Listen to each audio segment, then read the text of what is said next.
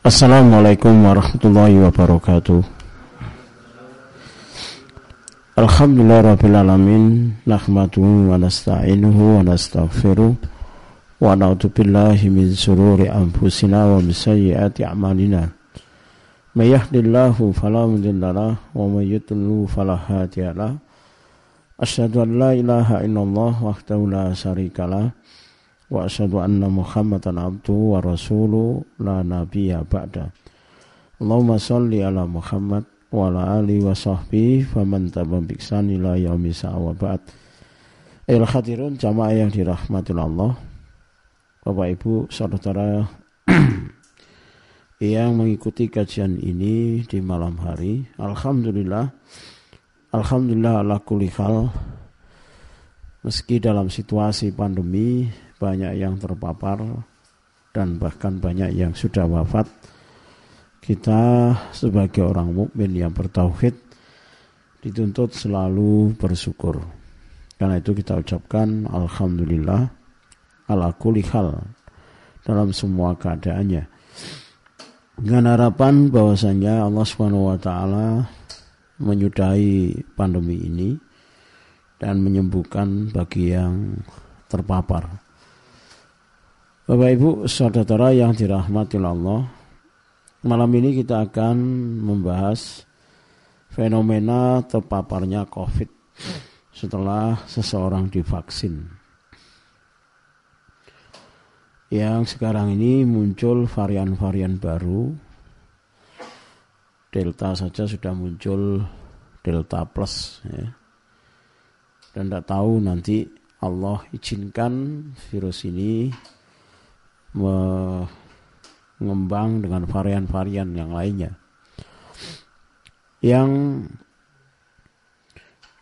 ya diharapkan bahwasanya kajian ini bisa memberikan sumbangsih untuk kita agar kita tidak terpapar tentunya ya, dalam segala kondisi baik yang sudah vaksin maupun yang belum vaksin. itu harapan dari kajian ini.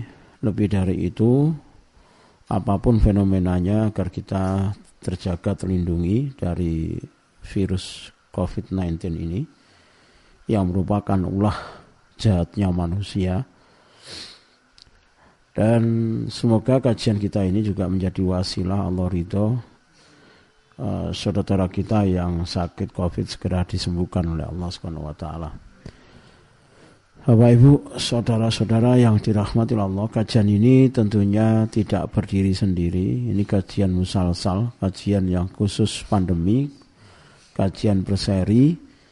Maka diharapkan jenengan mengikuti kajian-kajian sebelumnya supaya nyambung. Karena ada sebagian yang saya ulang sedikit-sedikit karena memang menyinggung otomatis pembahasannya lebih detail di kajian yang uh, sesuai judulnya. Baiklah Bapak Ibu saudara yang dirahmati Allah, sekali lagi bahwa kita hadir dalam rangka untuk memberikan pemikiran sekaligus solusi bagaimana supaya kita terjaga, terlindungi baik yang sudah divaksin maupun belum. Bagaimana supaya imun kita ini kuat menjaga kita melawan virus. Apakah kita sudah divaksin ataupun belum. Vaksin apa pun itu kita berharap bahwasanya eh, kajian ini menjadikan wasilah kita ini terjaga, dijaga oleh Allah. Lalu kalau sakit semoga itu disembuhkan oleh Allah. Bapak Ibu saudara yang dirahmati Allah, uh, apa yang kita berikan betul-betul niat tulus untuk membantu pemerintah. Lebih khususnya adalah membantu saudara-saudara kita umat Islam yang saat ini banyak berada di rumah sakit dan isoman. Bagaimanapun kita di antara kita mungkin ada yang sudah kehilangan anggota keluarganya sebagaimana kemarin kita kehilangan tim dan jamaah yang uh, ya semuanya kita berkhusnudan kepada Allah Subhanahu wa taala. Meskipun sudah diupayakan tetap saja bahwa ketetapan hidup mati seseorang ada di tangan Allah bukan di di tangan teori. Bukan di tangan ikhtiar bukan di tangan vaksin atau imun seseorang bukan bicara saturasi bukan bicara pernafasan tapi bicara ketika Allah menetapkan kematian lalu malaikat Israel kirim. Dalam situasi yang sama, seseorang bisa saja Allah sembuhkan dan itu terjadi dengan tim kita yang lain. Dalam situasi yang juga sama-sama kritis, cukup parah, tetapi Allah menyembuhkan. Dari sini kita tahu batasan kita dalam ikhtiar. kita tahu Eh, kapasitas kita dalam berusaha. Ya, apa pun ikhtiarnya, usahanya, imunnya, vaksinnya, prokesnya, itu tidak melebihi dari takdir yang Allah tetapkan. Bahwa di atas semua ikhtiar manusia, ya semuanya dalam kendali takdir Allah Subhanahu wa taala. Dan takdir Allah adalah yang tertinggi. Dan itu dengan kajian-kajian yang kita hadirkan nuansanya adalah integrasi medis maupun tipu nabawi atau e, bagaimana ajaran Islam membimbing kita adalah dalam rangka membuat Allah ridho ya terhadap kita saat ini sehingga pandemi ini dicabut. Ya karena kita berusaha untuk introspeksi diri muhasabah diri ya. Itu yang kita harapkan. Sesuai dengan manhat metode yang sering kita sampaikan bahwa uh, kita bertujuan mempertemukan mempertemukan antara medis dan agama agar kita tidak melupakan Allah zat yang menjadi pusat segala pintu keselamatan dan menjadi pusat segala pintu kesembuhan selainnya adalah hanya wasilah ini sudah sering saya sampaikan. Dan fenomena orang kena COVID, ya apa pun variannya jangan dibahas. Intinya adalah Allah takdirkan itu karena ada yang diinginkan oleh Allah. Ada teguran-teguran di situ yang belum dicari hikmahnya. Atau kalau naudzubillah ya, dan jangan sampai kita ini dihukum sama Allah karena berulang-ulang kita membangkang durhaka kepada Allah hanya mengandalkan wasilah melupakan Allah. Nauzubillah min zalik.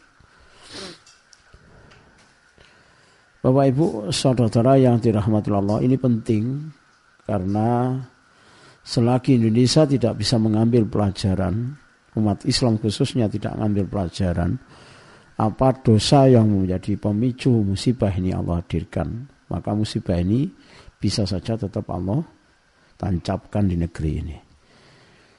Mau vaksin apa pun, mau Pfizer, mau Moderna, tetap mudah bagi Allah untuk apa? Membuat orang terkena COVID dan membuat orang itu bisa parah dan membuat orang itu bisa mati.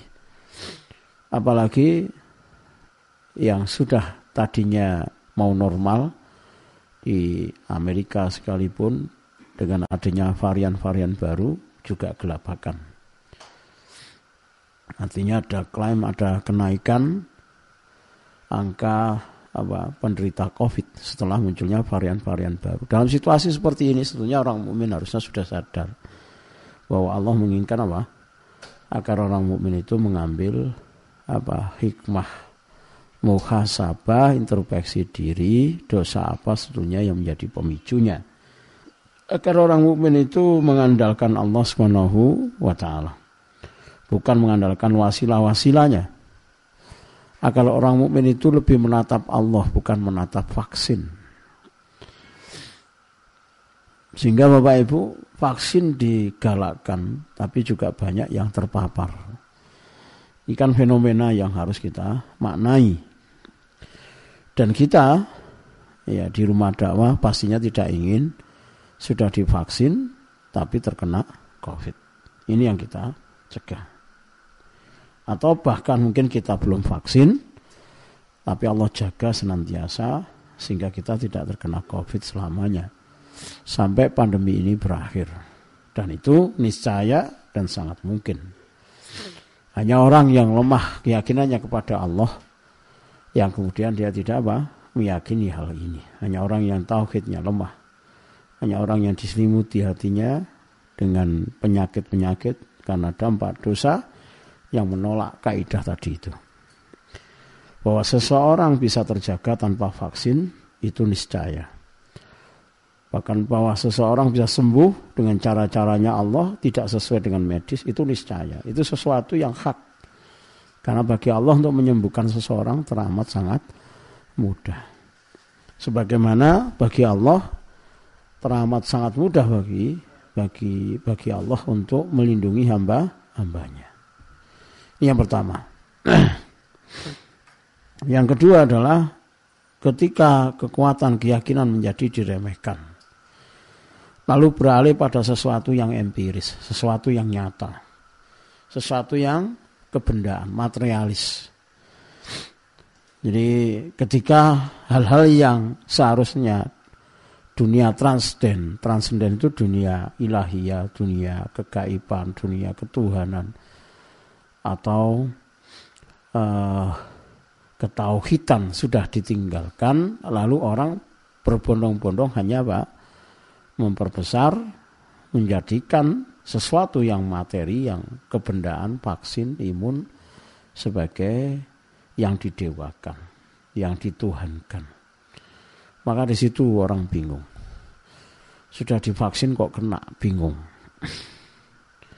Maka tujuan dari kajian kita ini agar kembali umat muslim ya khususnya ya untuk lebih meyakini bahwa kesempurnaan ajaran Islam menegaskan sembuh itu di tangan Allah, selamat itu di tangan Allah, terlindung itu di tangan Allah, bukan di tangan sebab-sebab wasilah tadi itu.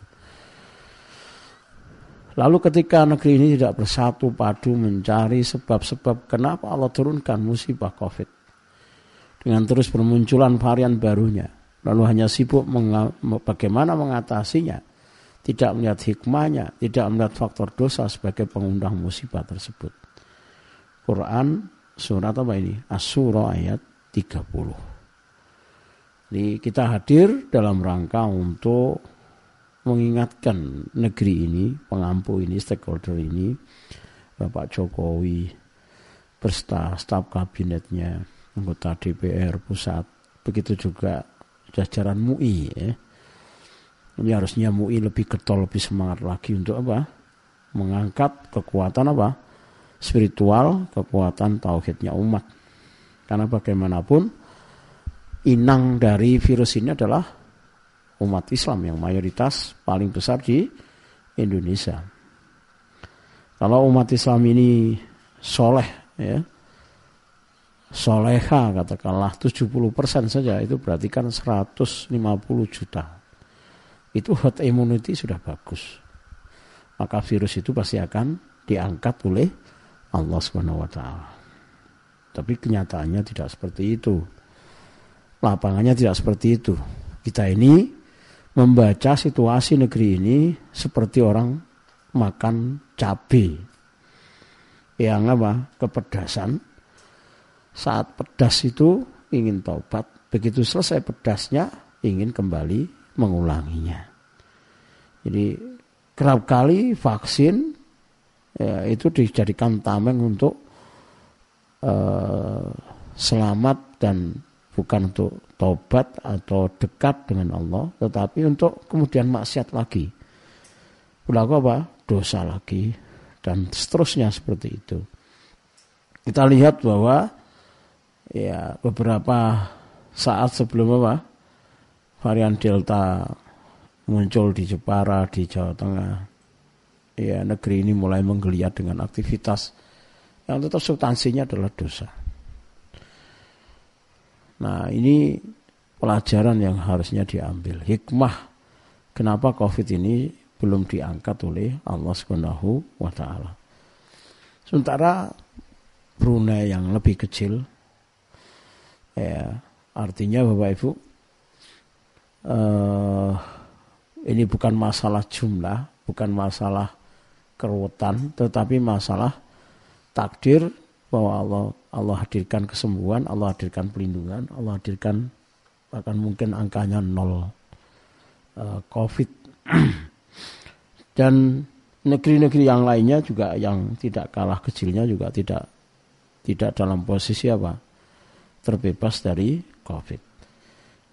Seharusnya yang diambil adalah pelajaran bukan bukan sebagai pembanding itu besarnya ruwetnya, tetapi bagaimana satu negeri itu dijaga oleh Allah Subhanahu wa taala karena mengagungkan Al-Qur'an. Al dengan adanya koreksi ini diharapkan semua sesuai harapan. Imun dan vaksin menang melawan virus COVID. Seseorang tidak terpapar setelah apa? Vak vaksin. Ini bagi yang sudah vaksin. Mari Bapak Ibu saudara yang dirahmati Allah kita renungi, kita pikirkan, kita kaji bersama apa sebetulnya perusak-perusak vaksin itu, imun vaksin itu.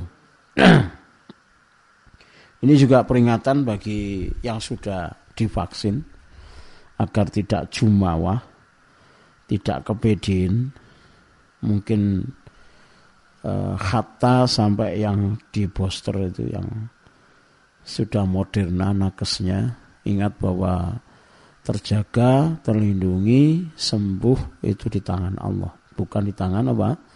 semata-mata vak, vaksin. Kita optimis, kita husnudon, semoga dengan vaksin ketiga para dokter, para perawat ya semua menjadi dijaga oleh Allah. Ya, tetapi itu tidak cukup hanya menggantungkan pada apa? E, vaksin ketiga Moderna tanpa harus ada upaya untuk lebih dekat sama Allah lalu menyudahi dosa-dosa dan maksiatnya itu. Itu yang kita harapkan. Ketika wasilah diagungkan dan melupakan yang menciptakan wasilah. Ini kaidah-kaidah. Bahwa obat adalah wasilah. Vaksin itu wasilah. Ya, ini pelajaran yang harus diambil. Ketika sebab-sebab dunia lebih dilihat daripada sebab langit, sebab-sebab langit. Artinya kita ini kerap kali berikhtiar itu melepaskan apa uh, semua yang katanya dengan Allah. Lalu ini yang yang harus kita apa? Kita koreksi tadi itu. Maka kajian kita hadir tadi itu ya. Jadi ketika semua pada salah dalam interpretasi bagaimana mengatasi COVID yang diutamakan situasi lah, maka uh, kita harus mengembalikan uh, hal yang salah ini agar semoga yang kecil ini kajian yang kecil ini paling tidak ya semua yang mengikuti kajian ini dijaga oleh Allah lindungilah Allah dan kalau sakit disembuhkan oleh Allah gitu ya. Tapi secara meluas semoga umat muslim yang mayoritas ya kembali sadar bahwa kuncinya itu bukan di tangan imun atau vaksin bukan karena virus yang harus ditakuti mau varian apa pun sampai omega terakhir itu nggak ada masalah. Sebab kunci orang hidup itu di tangan Allah bukan di tangan virus ini. Itu orang yang bertauhid harus begitu tidak boleh takut kadang-kadang kita ini apa ya, update berita tetapi ujung-ujungnya malah panik ujung-ujungnya malah digoreng sama setan akhirnya muncul kepanikan, ketakutan. Akibat dari tauhid yang lemah. Penyakit manusia modern itu menjadikan sens atau medis segalanya. Ini saya koreksi. Kebenaran harus diukur dengan ilmiah, dengan laboratorium. Saya tidak menafikan itu sebagai apa kesalahan mutlak tidak, tapi itu tidak bisa diukur sebagai kebenaran yang mutlak. Sebab di luar upaya manusia sains teknologi medis ini ada Allah yang mengendalikan kehidupan. Sulit atau lemah menerima kebenaran berdasarkan petunjuk Quran, Sunnah, petunjuk kalau Allah Taala, kalau Rasulullah Sallallahu Alaihi Wasallam, bahwa Allah di atas semua kebenaran ilmiah atau sense, kebenaran Allah di atas seluruh logika makhluknya. Kenapa saya katakan seperti ini? Sebab kita ngaji pun ada yang nyinyir, ada yang memusuhi, ada yang nggak bisa menerima secara logika. Memang ini bukan logika, ini wilayah keyaki, keyakinan. Hanya orang yang meyakini yang bisa merasakan kebenaran keyakinan itu. Kalau ayat Al-Quran, sunnah, hadis ditarik ke laboratorium, rusak. Jadi agama itu akhirnya, akhirnya ukurannya adalah akal. Agama ukurannya adalah keilmiahan yang bisa saja standarnya adalah laboratorium. Dan ini mengerikan. Naudzubillah min zalik. Ingat Bapak Ibu bahwa Allah kebenaran yang dimiliki yaitu kebenaran yang Allah turunkan dengan Islam ini, Quran dan Sunnah di bawah Rasulullah SAW di atas jauh kebenaran logika manusia dan keterbatasan logika makhluknya. Karena itu memasuki wilayah wahyu, wilayah Quran, wilayah sunnah, wilayah kebenaran yang mutlak milik Allah dan Rasulnya itu harus dengan keyakinan yang bersih. Hati yang bersih. Bukan hati yang kotor. Ya, bukan dengan pikiran yang kotor. Ada banyak pembahasan ilmiah panjang, lebar tentang pandemi. Tapi sekali menyinggung haknya Allah SWT. Jadi saya dikirimi video. Analisanya hebat. Analisanya apa? Hebat. Apalagi seorang epidemiolog. Hebat. Tapi yang hebat itu tidak bisa mewakili haknya Allah. Yang hebat itu tidak berarti mengatur takdirnya Allah Subhanahu wa taala. Yang hebat itu bukan berarti Allah tidak punya kekuasaan, Allah tidak punya keagungan. Ya. Nah ini sangat disayangkan kalau ada pembahasan-pembahasan yang sifatnya sekuler keluar dari konteks Allah Subhanahu wa taala. Dan memang seperti inilah takdirnya Bapak Ibu. Seseorang yang menggeluti bidang tertentu kerap kali ya terjebak dengan disiplin ilmunya, dia tidak bisa mengintegrasi sebagai seorang muslim. Seorang yang tauhidnya ke depan terdepan. Ya. Dan ini penting sekali Bapak Ibu. Saya sampaikan, saya blok merah itu, supaya kita itu tidak dihukum terus sama Allah. Karena pembahasan apa pun, sebat apa pun, ketika Allah dilemahkan, Allah pasti tersinggung di situ. Pasti itu rusak akidahnya. Ya kan? Tetapi ketika pembahasan apa pun, Allah disangkut pautkan, pasti sejuk hasilnya. Lihat Muhammad Al-Fatih menang itu kan tanpa bisa di logika sebelumnya. Bagaimana mungkin perahu itu ditarik. Jadi kalau Allah sudah tetapkan, Allah takdirkan semuanya menjadi mu, mudah. Kita ini naudzubillah ya. Masalah pinternya luar biasa, tapi pinter yang tidak islami. Padahal api yang membakar Nabiullah Ibrahim itu segunung, sebukit. Nabiullah Ibrahim saja harus dilemparkan di kobaran api itu dengan ketepil tubuh, dengan manjani. Jadi bayangkan ada manusia mau dilemparkan di kobaran api yang besar dan itu tidak bisa dilakukan digotong diuncal no, kecuali dengan ketepil besar. Itu kan berarti jarak api itu e, besarnya api itu besar, panasnya itu bisa sampai mungkin ratusan meter atau bahkan lebih. Yang seperti itu saja ketika Allah mengendaki, Allah intervensi jadi dingin. Apalagi cuma COVID keluar dari tubuh seseorang. Apalagi cuma COVID tidak masuk di dalam tubuh seseorang. Apalagi COVID agar tidak masuk setelah orang itu divaksin. Ya ada yang salah yang luar biasa. Akidah umat ini, tauhid ya. Umat ini ketika membahas apa pun itu Allah dikesampingkan dan saya prihatin kalau ada siapa pun pakarnya itu melemahkan Allah Subhanahu wa taala. Naudzubillah min dzalik. Saya orang terdepan yang paling tidak setuju kalau ada pemikiran itu sekuler. Ya. Meskipun ada banyak eh, tokoh umat Islam yang mungkin sudah menyatakan hal ini. Tapi secara pribadi Allah menjadi saksinya. Setiap kali saya melihat ada orang berpendapat di YouTube, siapa pun pakarnya, ketika Allah dikesampingkan, saya paling protes. Ya, kurang apa sejarah umat Islam ini mundur ke belakang bagaimana Allah swt menolong.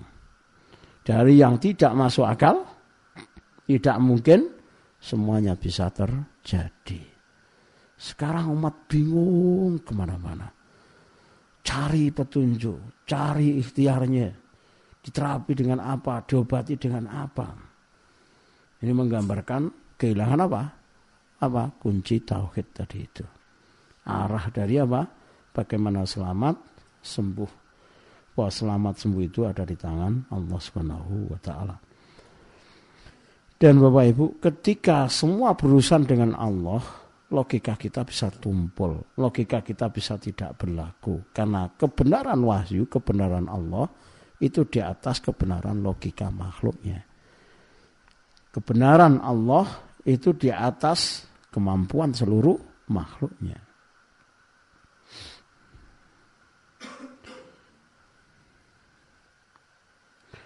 Semoga Indonesia khususnya ya dan umat Islam di negeri ini lebih khusus lagi ya varian apa pun yang muncul setelah ini itu bukan sesuatu yang perlu dicemaskan. Tahu bukan berarti harus menakut-nakuti. Tahu bukan berarti harus ketakutan. Apa artinya tahu tapi ketakutan? Seolah-olah Allah itu tidak punya kemampuan apa? Menjaga kita, melindungi kita. Dan lebih dari itu semoga tidak terjadi korban-korban COVID selanjutnya kan gitu. Jadi tolong para apa itu ahli apa pun bidangnya sampaikan ke umat ini bahasa-bahasa yang menyejukkan. Umat yang sedang ketakutan, ditambah ditakut-takuti lagi. Media ini juga dosanya paling besar bertanggung jawab. Karena media itu kerap kali nusuk, neror. Jadi tidak ada agama di dalamnya. Media itu bad news, good news. Berita buruk adalah duit. Jadi ada banyak orang itu menjadi pahlawan kesiangan atau pahlawan paling cepat memunculkan apa berita varian-varian. Orang masih ketakutan dengan Delta Plus muncul lagi dengan yang kenapa kita terdepan dalam hal yang neror? Kan itu sebetulnya cukup dikonsumsi oleh stakeholder, orang yang bertanggung jawab.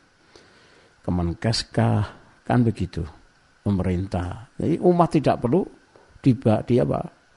Diteror dengan media, dengan bahasa, dengan berita yang akhirnya tambah ketakut, ketakutan. Apa artinya vaksin kalau media kemudian menakut-nakuti?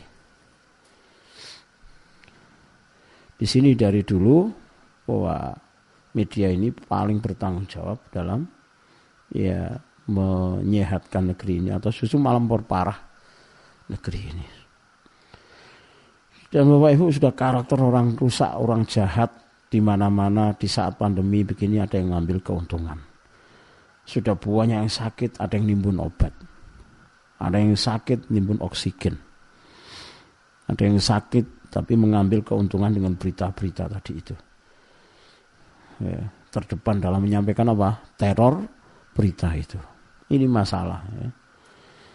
Ya, bahkan di dunia ada satu apa berita YouTube bahwa ada youtuber-youtuber itu yang digaji untuk membuat hoax tentang apa COVID ini. Bahwa COVID ini konspirasi, konspirasi, konspirasi itu pelemahan. Dan itu yang menyebabkan apa? Banyaknya orang yang terpapar akhirnya mah, mati. Karena dianggap itu sebetulnya bukan bukan ada virus, tidak ada virus, tidak ada pandemi.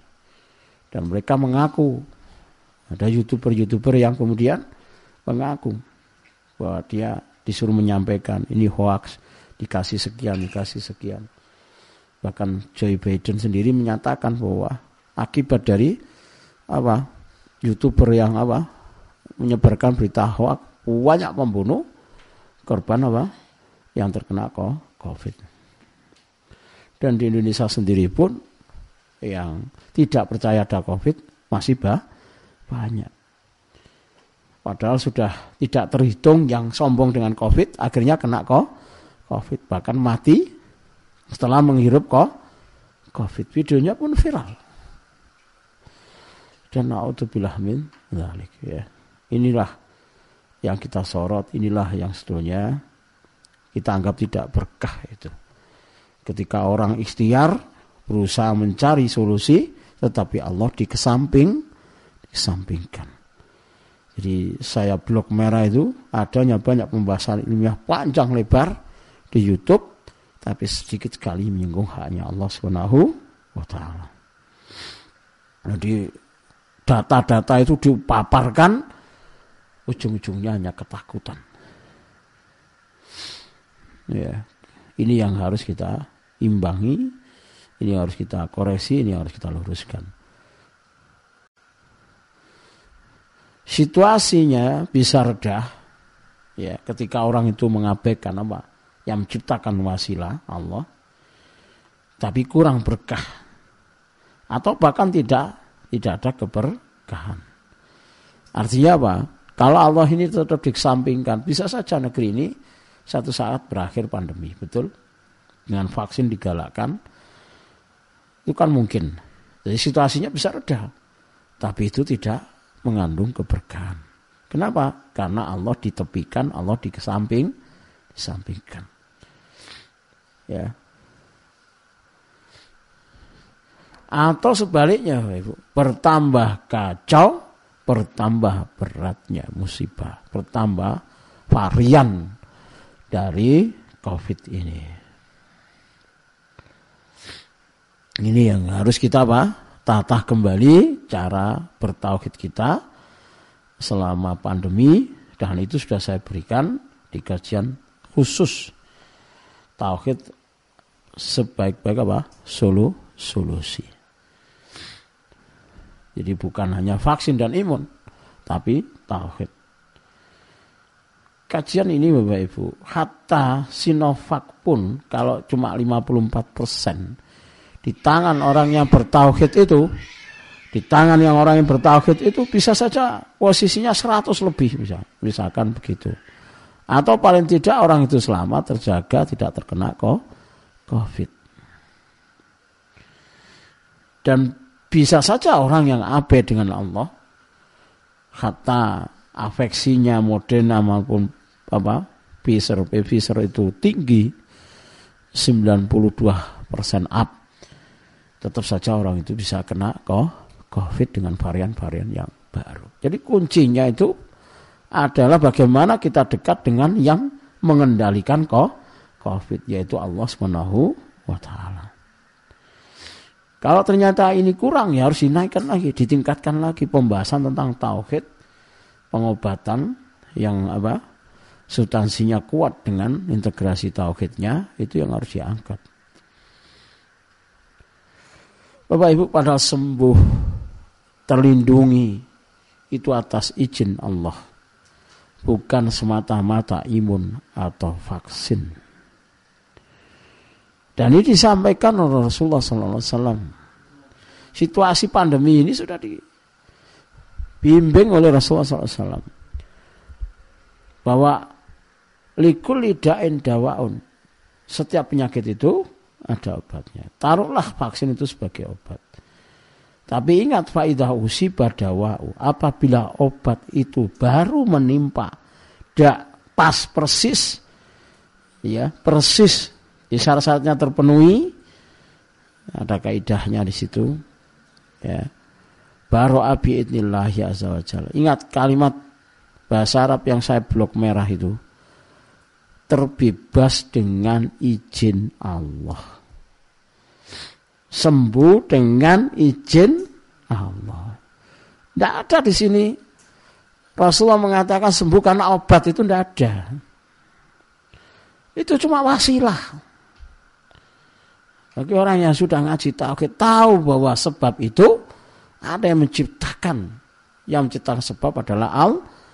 Orang itu sembuh dengan obat, iya. Tapi yang menciptakan obat itu Allah. Yang menjadikan obat itu usi dawa udah persis pas bobotnya, jenis kelaminnya, kondisi tubuhnya, waktunya, pas nggak ada penghalangnya.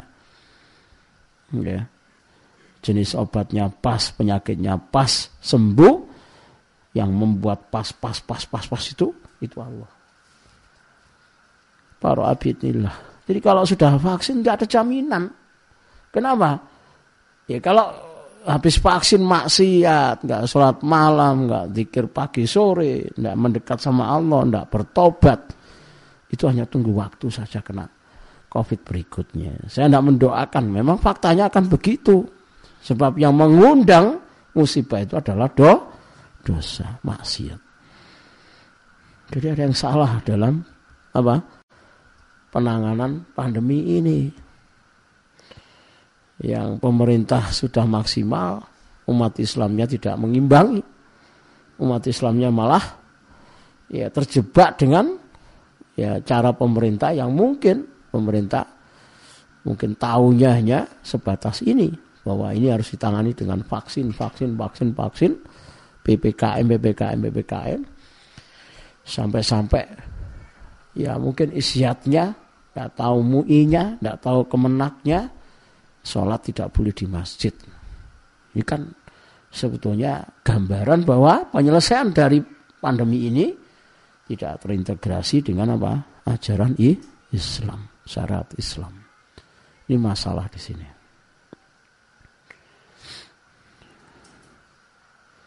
Ini masalah Bapak Ibu. Tolong ditulis dalil hadis ini bahwa sembuh itu di tangan Allah terjaganya seseorang, terlindungnya seseorang, ya, selamatnya seseorang, sembuhnya seseorang dari Covid itu di tangan Allah. Baroah, dia terbebas, dia sembuh biidnillah dengan izin Allah. Ini dibesarkan dan ini dikedepankan dan ini yang paling domi dominan gitu loh. Jangan bahas Covid Allahnya dikelemahkan naudzubillah. Saya suruh tobat semuanya. Siapa pun yang melemahkan Allah hendaklah taubatan nasu nasuha. Sebelum Allah tegur lebih keras lagi. Mengerikan Bapak Ibu. Sangat mengerikan. Prihatin. Karena musibah yang sesungguhnya itu bukan sakit musibah yang sesungguhnya itu orang kehilangan Allah Ke mana sudah saya sampaikan. Ya, segala sesuatu itu ya foto. Kalau hilang ada iwat, ada penggantinya. Tapi kalau orang sudah kehilangan Allah, tidak ada sesuatu pun yang bisa menjadi pengganti penggantinya. Ini memprihatinkan ya. Selagi umat Islam di antara kita saja ya tidak mau yakin dengan pertolongan Allah itu pasti kena itu. Imunnya lemah. Saya tidak ngancam dia. Hidup dengan ketakutan, kenapa? Karena sudah muncul varian-varian baru. Dari mana imunnya akan mengangkat kuat? Sementara dia dalam kondisi pa, panik, takut. Hanya rahmat Allah saja kalau Allah tidak izinkan COVID itu mengenai. Sebab ada yang salah di situ. Ya. Lalu timbul pertanyaan, kalau orang itu sudah tauhidnya kuat, misalkan taruhlah ada orang yang komplit sudah divaksin sudah, kok masih tetap kena? Bapak Ibu, musibah itu bisa ditarik menjadi tiga. Buat orang soleh itu ujian buat orang yang maksiat teguran, buat orang yang memang layak untuk apa? dihukum itu sebagai adab. Karena kalau sudah pandemi seperti ini, orang soleh pun bisa kena dampaknya. Karena tidak semua orang soleh itu kuat fisiknya, Tidak semua orang alim itu apa? Al mukminu qawiyun adalah orang mukmin yang kawi, yang kuat. Apalagi tidak semua orang soleh, seorang alim itu tahu tentang penyakit ini. Karakternya seperti apa? Allah kulihal kalau ada orang soleh kok sudah tauhidnya bagus, sudah vaksin kena, itu kan berarti kebaikan, rahmat untuk orang mukmin. Jadi ujian ini, musibah ini rahmat bagi orang so, soleh. Karena tambah semakin dekat kepada Allah Subhanahu wa taala. Dan rahmat bagi orang yang ditegur lalu kemudian mengambil hikmahnya, introspeksi diri, muhasabah diri. Itu rahmat.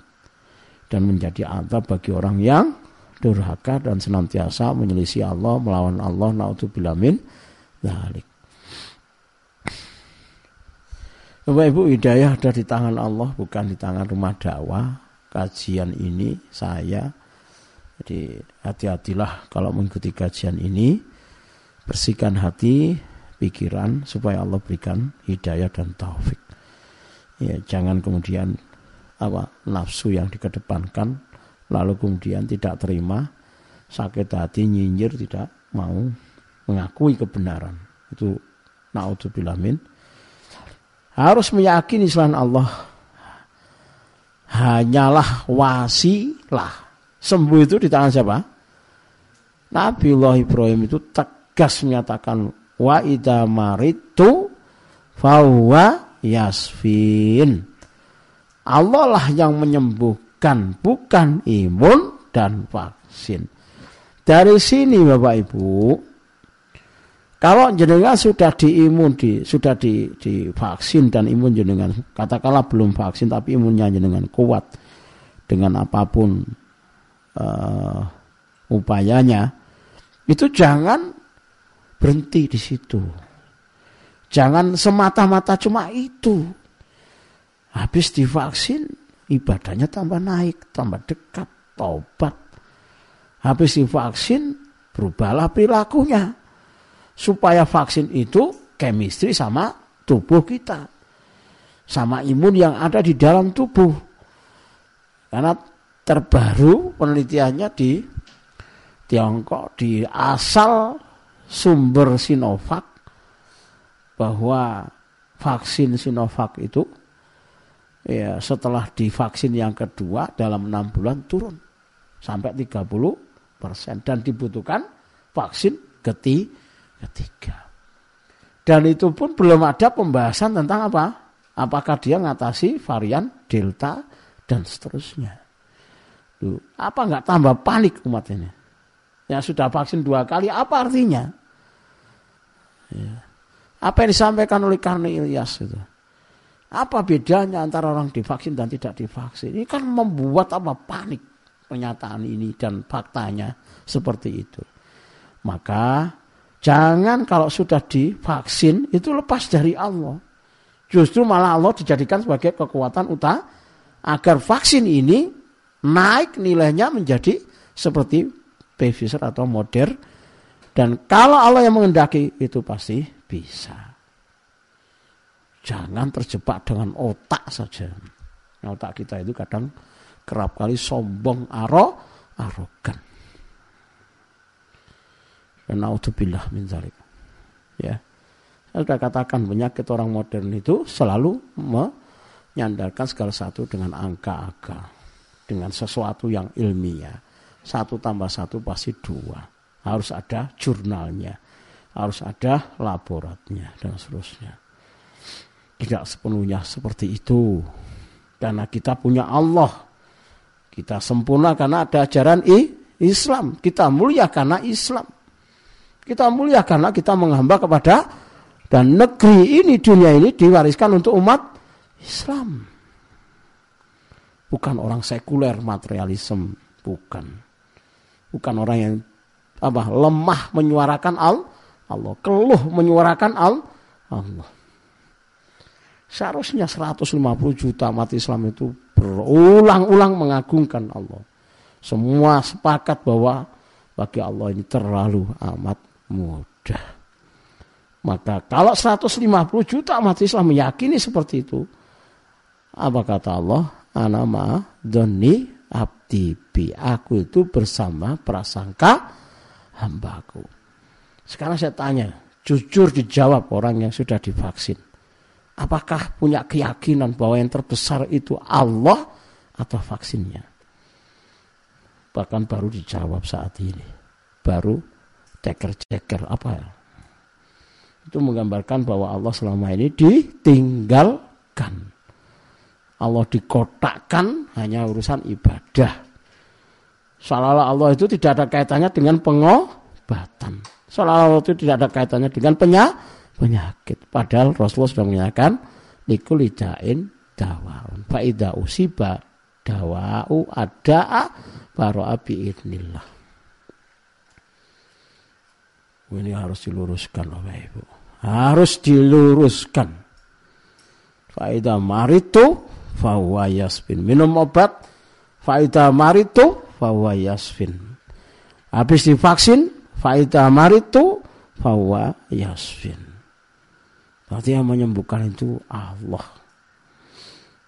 Dulu sahabat Rasulullah SAW ya tidak mengandalkan sebab-sebab hanya obat terbukti ketika ada orang yang disengat atau digigit apa ular atau kala jengking cukup dibacakan dengan surat Al-Fatihah.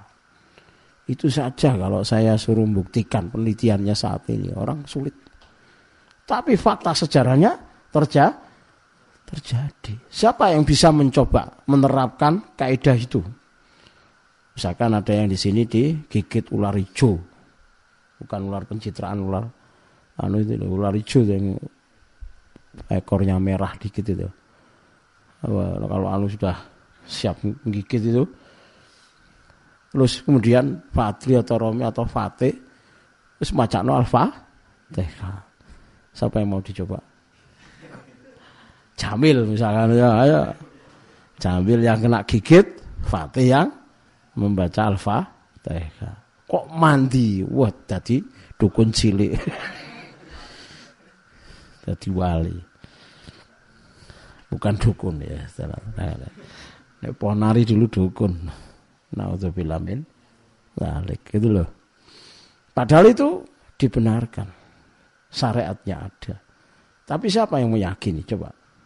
Sekarang semua mengandalkan pak vaksin. Membahas i iman. Lupa bahwa Fatihah, surat-surat di dalam Quran itu melebihi kerjanya vaksin. Nah kalau racun saja bisa dinetralisir dengan Fatihah. Padahal di dalam Quran itu banyak surat.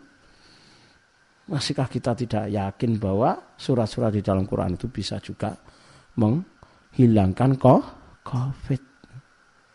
Di sini sebetulnya yang harus dibawa kembali umat Islam kepada aja ajarannya tanpa meninggalkan vak, vaksin. Atau kalau orang itu misalkan mencukupkan dengan ajaran, mungkin dia memilih tidak vaksin, tapi bahwa sembuh dengan paduan dengan integrasi itu sangat besar. Begitu juga dengan Rasulullah Wasallam dengan doa-doa yang diajarkan. Allahumma robbanas ati bilbas isfi Rasulullah bahkan sembuhkan. Isfi, sebutkan namanya. Antasafi, engkau sang penyembuh. La sifa ila sifa uka, sifaan la yuqadiru sakoma. Yang tidak ada kesembuhan kecuali kesembuhanmu, kesembuhan yang tidak menyisakan penyakit. Jadi kalau Allah menyembuhkan kayak Nabi Ayub, bersih total, lepranya tidak ada sama sekali. Cuma Bapak Ibu, ini hanya dipenuhi oleh Allah. Kalau orang itu yakin 100%, lalu dia memenuhi syarat-syarat lainnya. Dia tobat dari dosanya. Dia tambah dekat lagi kepada Allah. Barulah Allah berikan apa? Pertolongan Allah menyembuhkan hamba-hambanya. Tapi kalau yakin saja naik turun, taatnya tidak bertambah, dosanya tetap dijalankan. Nah, untuk bilamin Dalik, tidak tahu hikmahnya. Apa sebetulnya Allah menunjukkan, menurunkan musibah ini masalah. Ingat dan perhatikan Bapak Ibu apa pun upaya manusia idawa qadar batolah hadar. Pokoknya kalau sudah takdir itu Allah tetapkan apa pun ikhtiarnya itu tidak berlaku. Kehati-hatian tidak berlaku. Itu artinya kunci selamat itu bukan vaksin atau imun. Kuncinya adalah yang mengendalikan vaksin itu. Yang mengendalikan imun itu. Yang mengendalikan COVID itu. Yaitu Allah Subhanahu wa taala. Jangan sekuler. Jangan sekuler, jangan sekuler, jangan sekuler, jangan sekuler, jangan sekuler. Nauzubillah min dzalik. Tobat, tobat, tobat, tobat, tobat, tobat, tobat, tobat, tobat, tobat. Harus tobat. Umat Islam harus pemberani. Tapi bukan konyol. Umat Islam haram hukumnya penakut sampai akhirnya panik seperti orang yang tidak punya Allah. Naudzubillah min dzalik. Bapak Ibu itu saya sudah lakukan ketika menangani COVID. Semuanya harus mengikuti hukumnya Allah, bukan mengikuti hukum COVID. Seharusnya kalau mengikuti hukum COVID, saya mungkin sudah kena. Tapi saya mengikuti hukum Allah karena COVID mengikuti hukumnya Allah Subhanahu wa taala. Maka yang terjadi COVID itu dikendalikan oleh Allah. Konsekuensi tauhidnya kalau Allah yang menjadi penyembuh, Allah lah menjadi kuncinya. Kita harus dominan percaya 100% yang menyembuhkan adalah Allah. Imun dan vaksin hanya bisa melindungi dan mengusir COVID atas izin Allah. Bukan semata-mata kerja mereka. Bukan semata-mata bukan semata-mata kerja mereka semata. Sematanya tambah.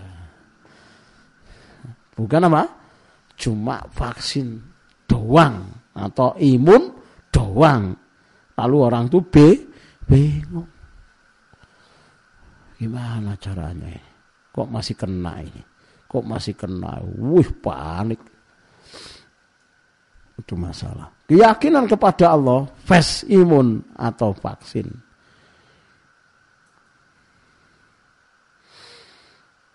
sebenarnya fast fast apa lagi covid gitu ya ya artinya sekarang saya imun vaksin dulu imunnya kan vaksinnya kan cenderung lemah sehingga tidak bisa mengalahkan covidnya minimal bapak ibu kalau orang itu 60 kepada Allah 60 imun dan vaksinnya cuma mengangkat 40 40. Apa artinya vaksin dan imun cuma 40? Kenapa kok juga nah, gini gampang-gampangannya kasarannya? Karena dia cuma memberi trust kepada Allah, keyakinannya cuma 60 persen. Itu lepas dari ambang batas salah. Ya sajane percaya. Tapi lah itu kalimat tapi itu itu 60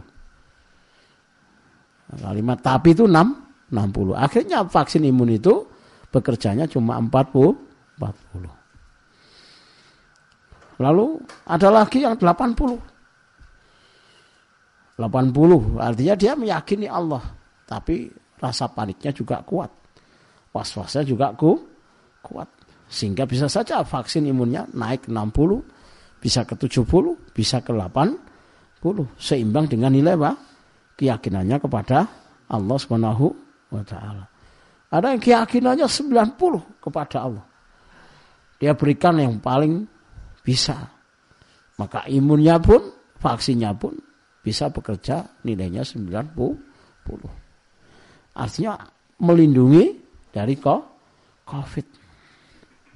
Apalagi kalau bekerja 100 persen. Yakinnya luar biasa. Oh, Masya Allah. Bahkan mungkin tidak butuh vaksin sekalipun tidak ada masa masalah. Kenapa? Karena imun di tubuhnya ku, kuat.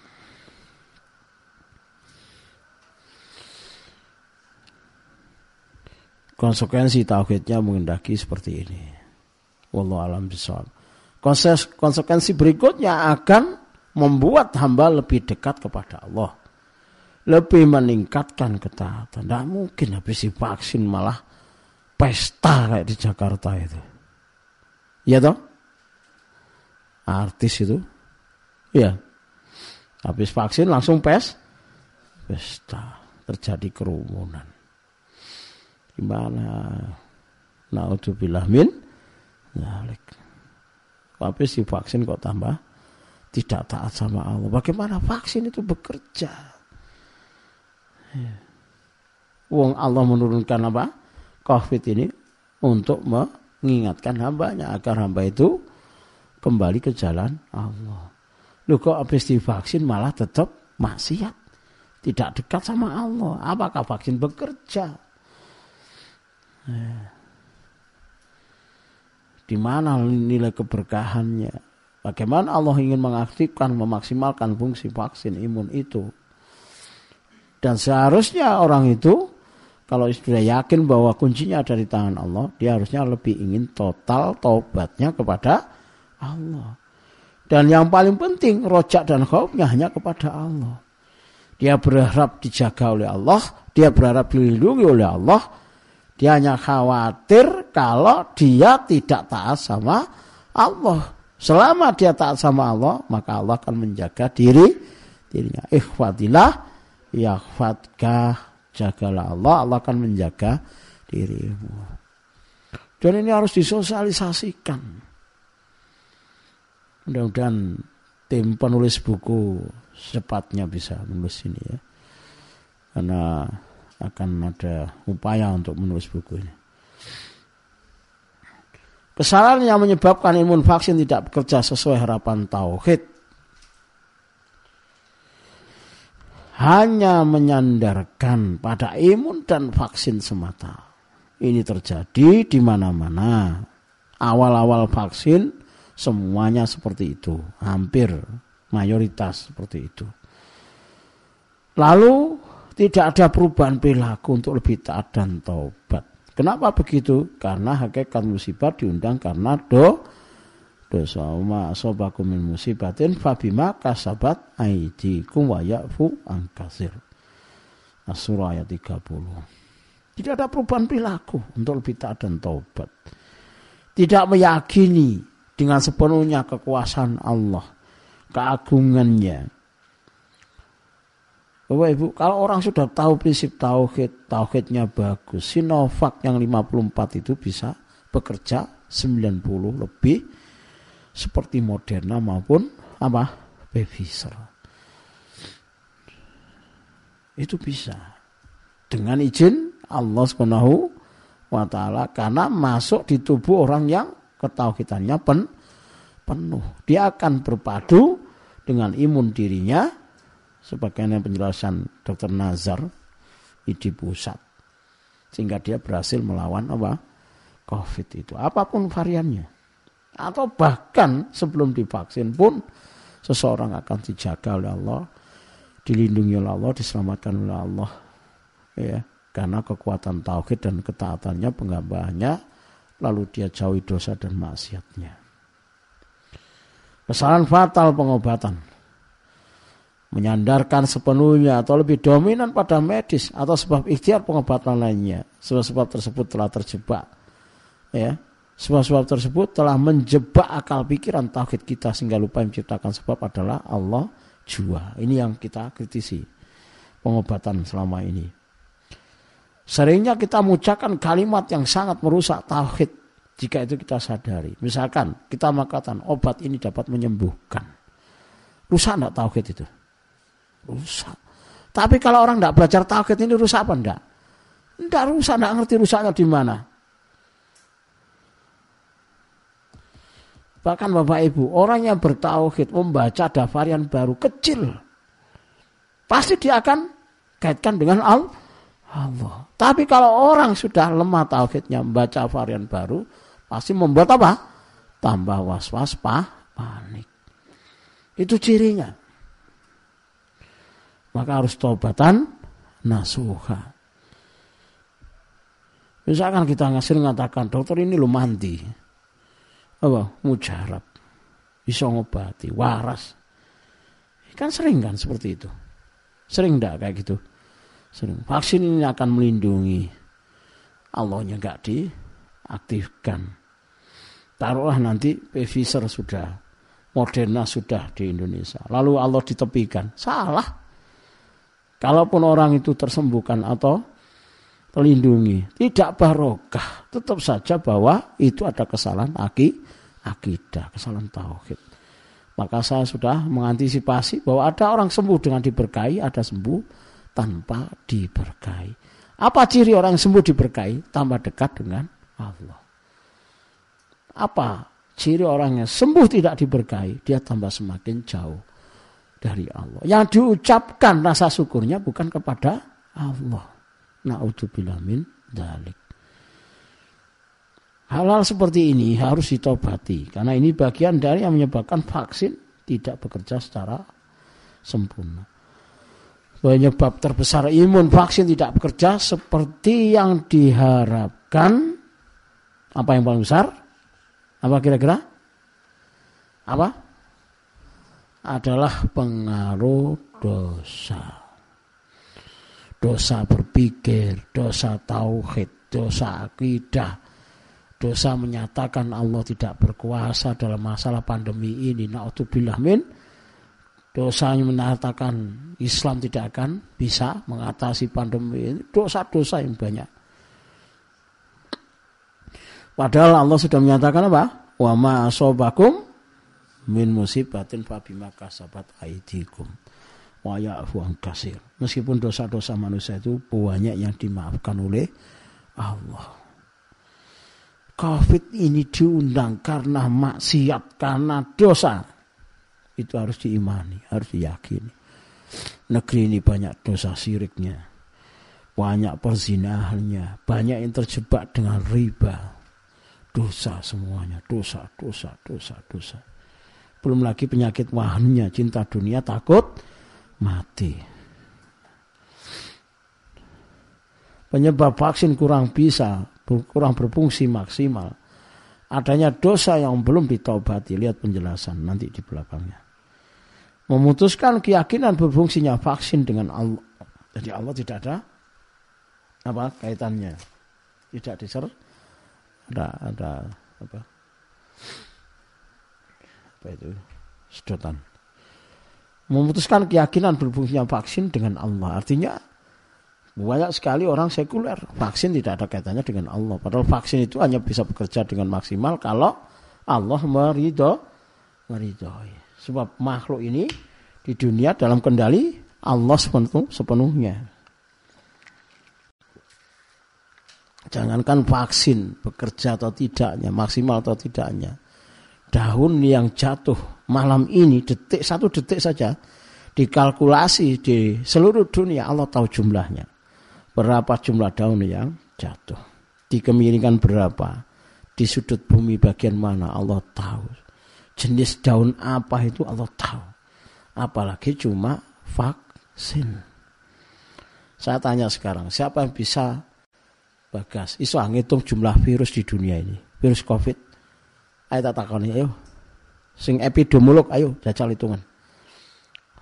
Mau didatangkan profesor epidemiolog sak dunia yang tahu cuma Allah. Jadi jangan sombong, arogan sombong dengan sains itu sudah salah. Medis itu nggak boleh diunggul-unggulkan melebihi kekuasaan ajaran, kekuasaan Allah Subhanahu wa taala. Lalu pada saat divaksin dalam keadaan cemas, was-was, tegang, tidak percaya bisa berfungsi, divaksin tapi di hatinya menolak, karena terpaksa karena pingin apa? Nek bepergian cak duwe oleh surat vaksin. Ya kayak orang minum obat tapi dintai kayak apa? Sedangkan orang itu kalau takut ya takut terus kemudian disuntik apa bisa masuk kadang bahkan tidak bisa masuk bayangkan dan ini banyak bisa jadi terjadi banyak. Berkaitan dengan dosa Bapak Ibu. Saya merangkum dan kitab ada wadawa. Insya Allah selesai semalam ini ya. Oh, semalam, malam ini maksudnya. min asaril ma'asi. Ya. Apa? Pengaruh sebagian dari maksiat. Ini yang katanya dengan vaksin tidak bekerja, imun tidak bekerja. Saya tulis bahasa Arabnya dulu, nanti terjemahnya di bawahnya. Ya, siji-siji ya bingung sama nanti. Yang pertama adalah taksirul maksiati alal badan. Bahwa maksiat itu pengaruh pada tubuh. Orang yang maksiat tubuhnya pasti melemah. Malam itu wajalna lailah libasa. Dijadikan malam untuk tidur, dibuat begadang piye jajal. Besoknya enak tanda. Sakit semuanya. Bahkan semalam tidak tidur, besok dibuat ganti belum cukup. Bisa satu dua hari. Itu hanya cuma apa? Malam harusnya tidur, tidak tidur dibuat ngegame. Nonton film dan lain sebagainya, cangkruk dan lain sebagainya. Main catur sampai subuh, main kartu sampai subuh. Ngegame sampai subuh. bila maksiat. Lemah tubuhnya. Lemah tubuhnya. Pasti lemah, apalagi maksiat yang lebih besar. Ya. Sama dengan kita punya HP sering dibanting. Rusak apa enggak? Rusak. Karena menyelisih manual booknya. Lalu al-ma'asi talqar rubah. Ya. Wal khawfa fil qulub. Maksiat itu menjadikan orang itu ditimpa was-was, kegundahan dan rasa takut. Jadi penyakit wahan itu itu akibatnya adalah orang itu takut takut sakit, takut kena covid, takut mati, takut takut takut takut takut was was was was was was. Cemas cemas cemas cemas cemas cemas. Divaksin tapi dia tidak tobat maksiat. Lalu muncullah kepanikan turun imunnya turun kerja vaksinnya, bahkan vaksinnya luntur, nggak bekerja. Al-ma'asi tata'ufu fi qalbi ta'zimur rabb. Orang yang maksiat itu ya hatinya akan lemah mengagungkan Allah. Jadi kalau ada pembahasan apa pun panjangnya tentang pandemi, tapi Allah dilemahkan, Allah tidak disebut kecuali sedikit, itu menggambarkan apa? Kemaksiatan. Sebab orang yang bagus, yang soleh, yang takwa, yang takutnya bagus, dia akan tidak lepas dari ucapan tentang Allah. Entah dia membaca subhanallah, entah baca astagfirullah, atau baca la haula wala quwata kalau Bapak Ibu kita ini lucu ya. Habis sholat kita akan baca apa itu? Astagfirullah, astagfirullah, astagfirullah. Setelah itu, Allahumma antas salam wa minkas salam. Allahumma antas salam. Ya Allah engkau lah keselamatan. Dari mula keselamatan, bukan dari vaksin dan imun semata. Bukan dari vaksin dan imun semata. Ingat, saya tidak memisahkan tapi itu digabung. Digabung kalimatnya. Tapi yang paling besar adalah pengagungan kepada Allah. Sebab vaksin itu baru bekerja maksimal ketika kita yakini bahwa Allah lah yang mengendalikan. Yang menjadikan vaksin itu bekerja secara maksimal. Gitu jadi orang maksiat itu susah menyebutkan nama Allah. Kemarin di kajian Ramadan akhir lafat Allah itu kan tidak bisa digantikan dengan nama apa pun. Kalau orang maksiat menyebut Allah itu ganti Tuhan. Itu masih mending. Hmm. Bahkan bisa tidak berani menyebutkan itu. Ya. Menyebutkan Allah saja alergi. Kenapa? Karena mulutnya banyak maksiat, dusta. Karena tubuhnya banyak kemaksiatan. Dan inti maksiat adalah menjadi pengikutnya setan. Setan alergi menyebutkan nama Allah Subhanahu wa taala. Bapak Ibu, orang mukmin tidak boleh melemah keyakinannya kepada Allah. Waktu akhir itu Adha, takbiran sore saya berikan materi apa? Dasarnya kalimat takbir untuk mengusir COVID. Itu bukan isapan jempol, bukan lip service, bukan pencitraan, bukan. Ya. Sama sekali tidak. Itu keyakinan sepenuhnya. Al-ma'asi tastajlibu nisyanillahi ta'ala lil abdi. Ini saya bahas sendiri. Nomor empat ini. Ada babnya sendiri. Al-ma'asi taskutul baromah indallah. Maksiat itu menyebabkan karomah seseorang itu jatuh. Kemarin kita bahas apa? Karomah ali tauhid di tengah pandem, pandemi. Karomah itu Bapak Ibu. Seperti pepatah orang Jawa dulu. Belai ini selamat. Belai selamat. Tahu istilah ini? Apa yang Jawa yang seusia saya? Nggak ada ini. Ya Jawa yang muda-muda nggak ngerti istilah ini. Ada belai selamat misalkan naruh sepeda motor kuncinya masih nyantol. Padahal baru diambil dari de dealer. Mungkin platnya sih putih. Lagi kelingan nang Indomaret. Wis balik baru eling. Kuncinya nyan nyantol orang Jawa kalau menemukan lagi sepeda itu itu mengucapkan apa? Belai selamat. Belai apa? Selamat. Orang karomah itu celakanya saja masih selamat, gitu loh. Itu karomah. Paham ya? Ngantuk oh turu itu dijaga dilindungi oleh itulah wali, itulah karomah. Nah orang maksiat karomahnya jatuh kemuliaannya di sisi Allah jatuh. Mau dikasih vaksin misalkan 10 kali Pfizer, iso ta? Sontek-sontek mana, sontek mana, kasih Moderna, ditompok mbak Sinovac, Sinovac, apa John Johnson barang ditambah, AstraZeneca, kabeh. Covid malah seneng wonge kelengker mati. Lah iya. Jadi karomah itu jangan dilepas. Karomah itu jangan dilepas. Bisa saja kita itu berinteraksi sama manusia yang di situ sudah ada COVID-nya. Bisa saja yang kita sentuh itu sudah COVID. Bisa saja ada angin, lalu di dalamnya ada COVID-nya. Bisa saja GoFood kita apa? Itu sudah ada COVID. Ya. Ke pasar, ke Indomaret, Orang masak di rumah terus ya. Nah, coba. Pasti dia keluar. Oh, keluar jemur baju kena kok Covid. Coba ayo. Atau yang gusen-gusen ngono apa itu. Sing sopi-sopi yang suka anu itu. Ternyata kena Covid. Nah, kalau orang punya karomah Covid-Covid seperti itu tidak ada masalah, gitu loh.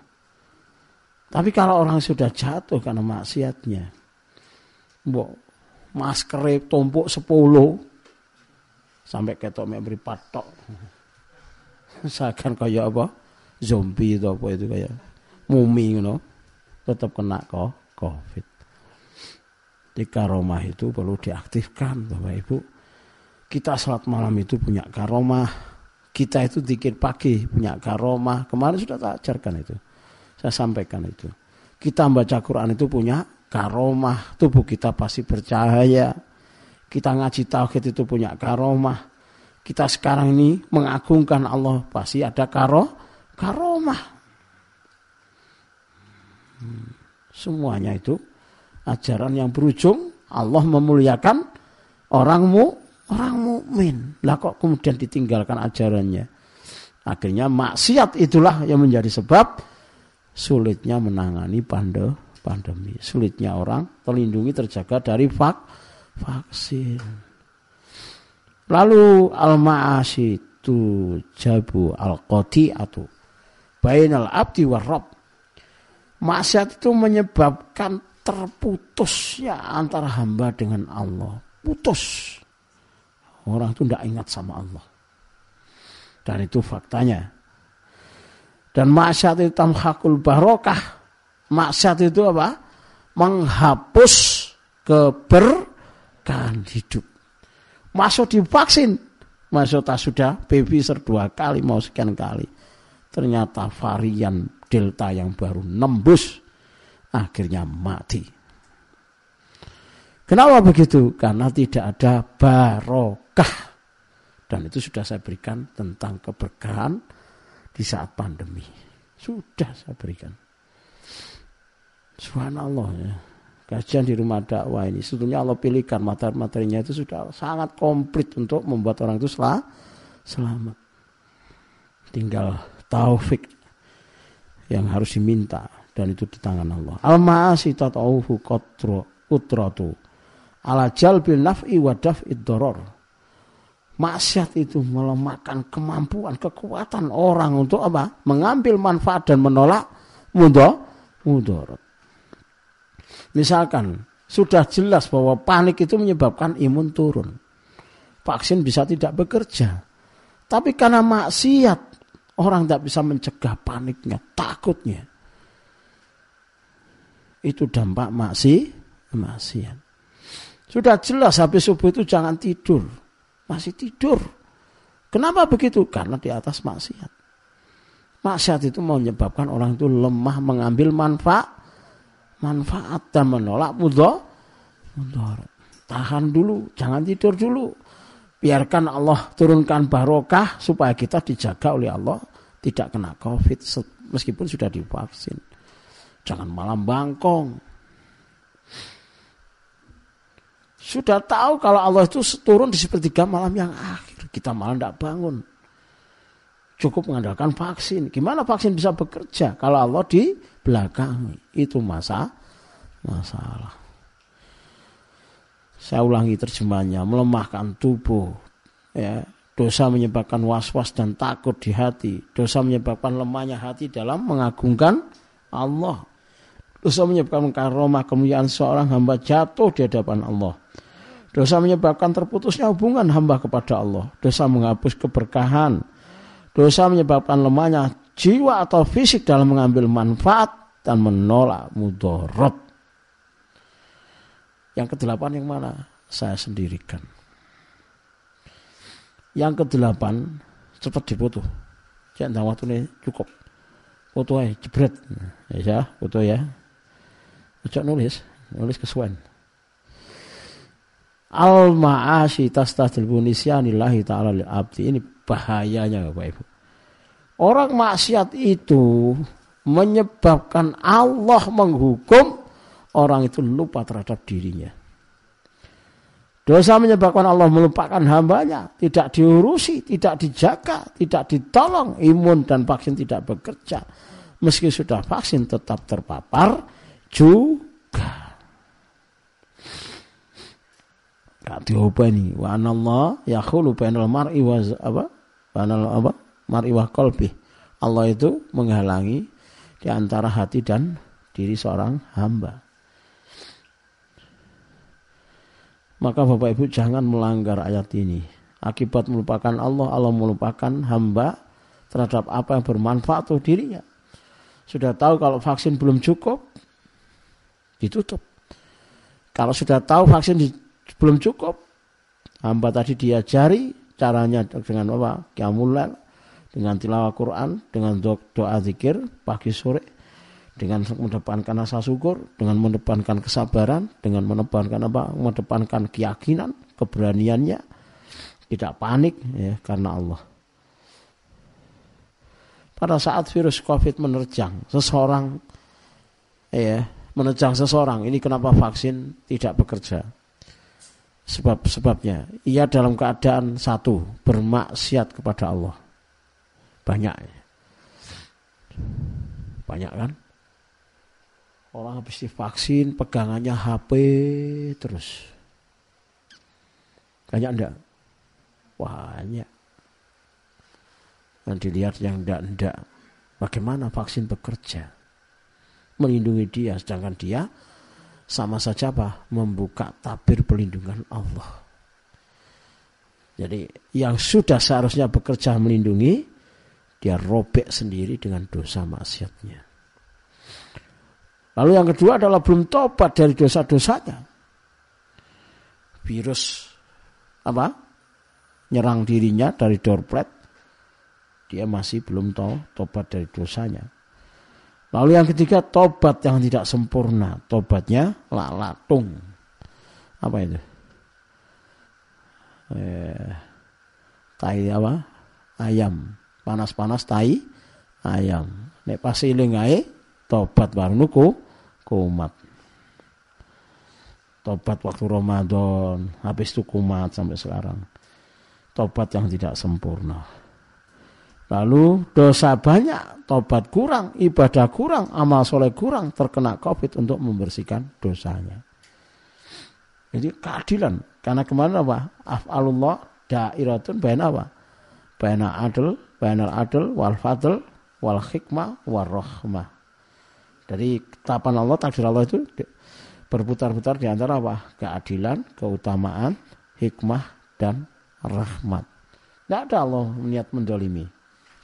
Maka kalau dalam posisi nomor empat, tidak perlu mengkambing hitamkan vaksin, tidak perlu ketakutan. Yang harus dilakukan apa? Perbanyak to tobat. Tidak zikir pagi dan petang tidak membiasakan sholat malam, tilawah Al-Quran, jauh dari Allah. Lalu dalam penguasaan setan gorinnya. Inilah perusak-perusak apa? Apa? Imun vak vaksin. Perusak imun vaksin lainnya, lemahnya iman yang menjadikan seorang panik.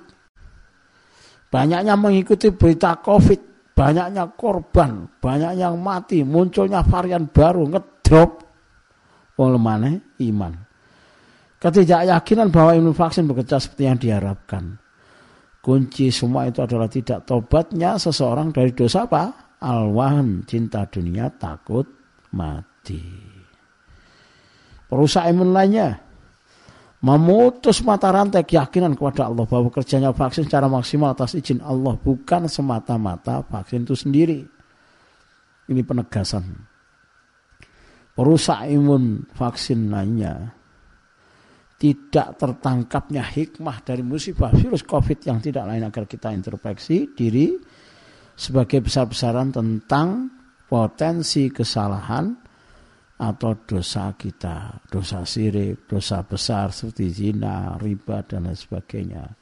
Akhirnya vaksin tidak bekerja. Perusak imun vaksin lainnya adalah penyakit auto imun. Penyakit apa? Autoimun. Padahal kasus badai sitokin imun yang semestinya bekerja melindungi tubuh justru berlebihan sehingga menimbulkan peradangan hebat di paru atau organ yang lainnya. Penyakit autoimun adalah penyakit yang tidak selalu lepas dari unsur gangguan setan CS. Dikembangkan sendiri.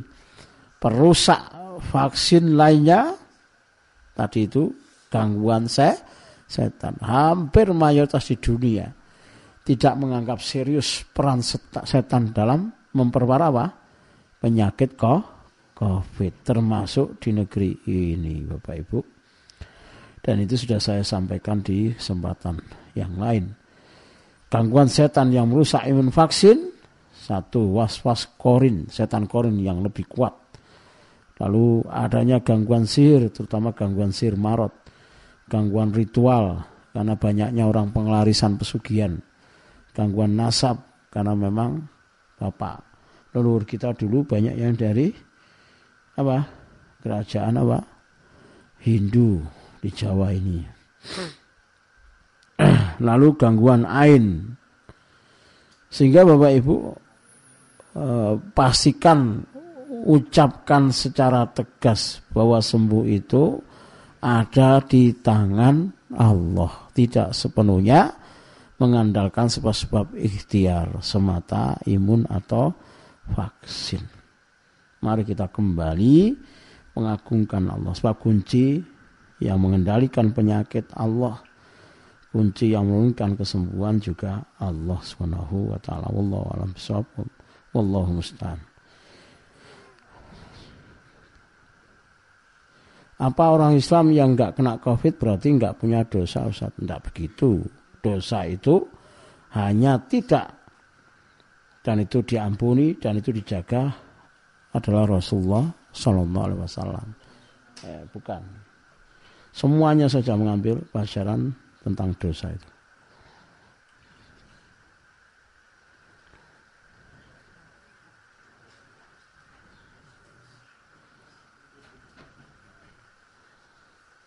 Ya, ini saya tidak tahu ya.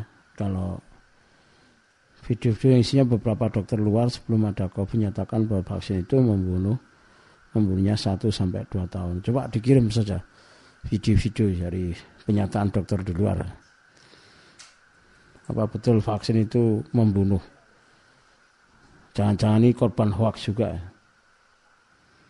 Silakan ya, yang wajan Quranmu silakan kirim ke admin videonya supaya tidak jadi apa fitnah. Kenapa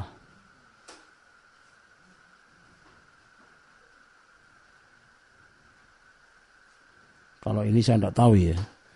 Kenapa hanya Ustaz Arifin yang di masa pandemi ini yang terus-menerus membahas cara-cara nabai dan mengobati penyakit. Padahal ada yang Ustaz sampaikan juga sering disampaikan Ustaz Sunnah. Ya ditanyakan Ustaz yang lainnya ya kenapa tidak membahas. Eh, kalau ditanya jawaban lain karena kita membidangi pengobatan. Karena itu kita bisa mengawal eh, situasi pandemi ini dan upaya untuk sembuh atau terjaga atau terlindunginya. Insya Allah seperti itu. Saat kena COVID, kita sering baca Quran, sholat, doa, zikir, sedekah, tidak maksiat dan lain-lain. Tapi saat sudah sembuh dan kembali kesibukan kita masing-masing, amal tadi mulai kendor lagi. Gimana biar tidak kendor Ustaz? Ngaji tauhid. Ya. Kenapa? Karena penghambaan kita itu tidak menunggu kita sakit. Ya, lalu kalau sehat kita kendor. Itu semuanya ada di bab tauhid. Ngaji apa? Fikih Asmaul Hus Husna. Itu sudah.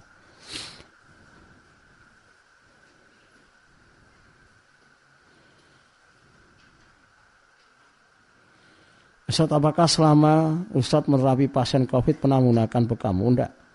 Jangan ya. Kita enggak pakai standar itu. Tidak. Sebaiknya dengan rukyah saja. Itu pun rukyah yang level tinggi. Artinya orang itu sudah tahu betul seluk beluk orang kena gangguan jin, tahu di mana jinnya bersembunyi, di karakter-karakter, di sifat-sifat, di pikirannya, di lintasannya, dan seterusnya. Dan kemudian dia tahu kerjanya dengan COVID. Baru dia bisa. di buku zikir pagi sore banyak banget Ustaz zikir yang harus dibaca. Sementara kami sibuk. Dipilih saja ya, jangan seluruhnya. Itu kan kumpulan zikir pagi sore, bukan berarti semuanya harus di, eh, dibaca. Jadi dipilih saja yang sesuai dengan kebutuhan. Bagaimana cara meningkatkan rasa pengakuan pada Allah? Insya Allah Sabtu atau Ahad pagi kita akan membahas materi Tauhid. Siki Asmaul Husna kita akan uh, lanjutkan insya Allah gitu.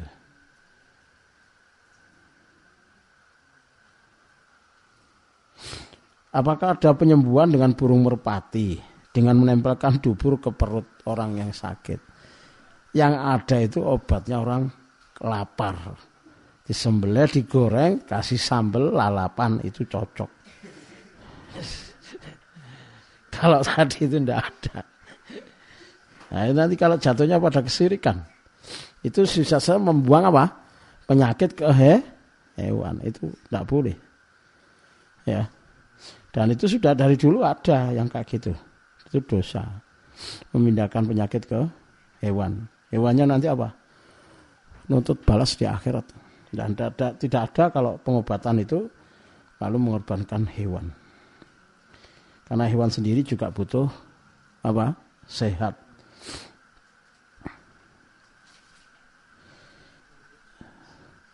Nah, kalau hubungan penyakit autoimun dengan gangguan setan, nanti tunggu bukunya. Saya sudah menulis lupus. Insya Allah ya. Kalau di sini panjang kali, lebar. Baik, cukup? Cukup ya? Baik, cukup. Barakallahu fikum. Semoga dengan kajian ini kita dijaga oleh Allah. Baik yang belum vaksin maupun yang sudah vaksin baik yang sudah kena covid maupun yang belum semuanya dijaga. Ke depannya semoga kita selamat dan semoga ke depannya negeri ini dicabut ujiannya oleh Allah Subhanahu wa taala karena umat Islam menyadari betul bahwa kunci sembuh, kunci selamat ada di tangan Allah Subhanahu wa taala. Lalu menyadari betul bahwa hikmah musibah ini adalah karena dosa dan maksiatnya. Lalu Allah berikan taufik dengan taubat. Subhanakallah wa. Assalamualaikum warahmatullahi wabarakatuh.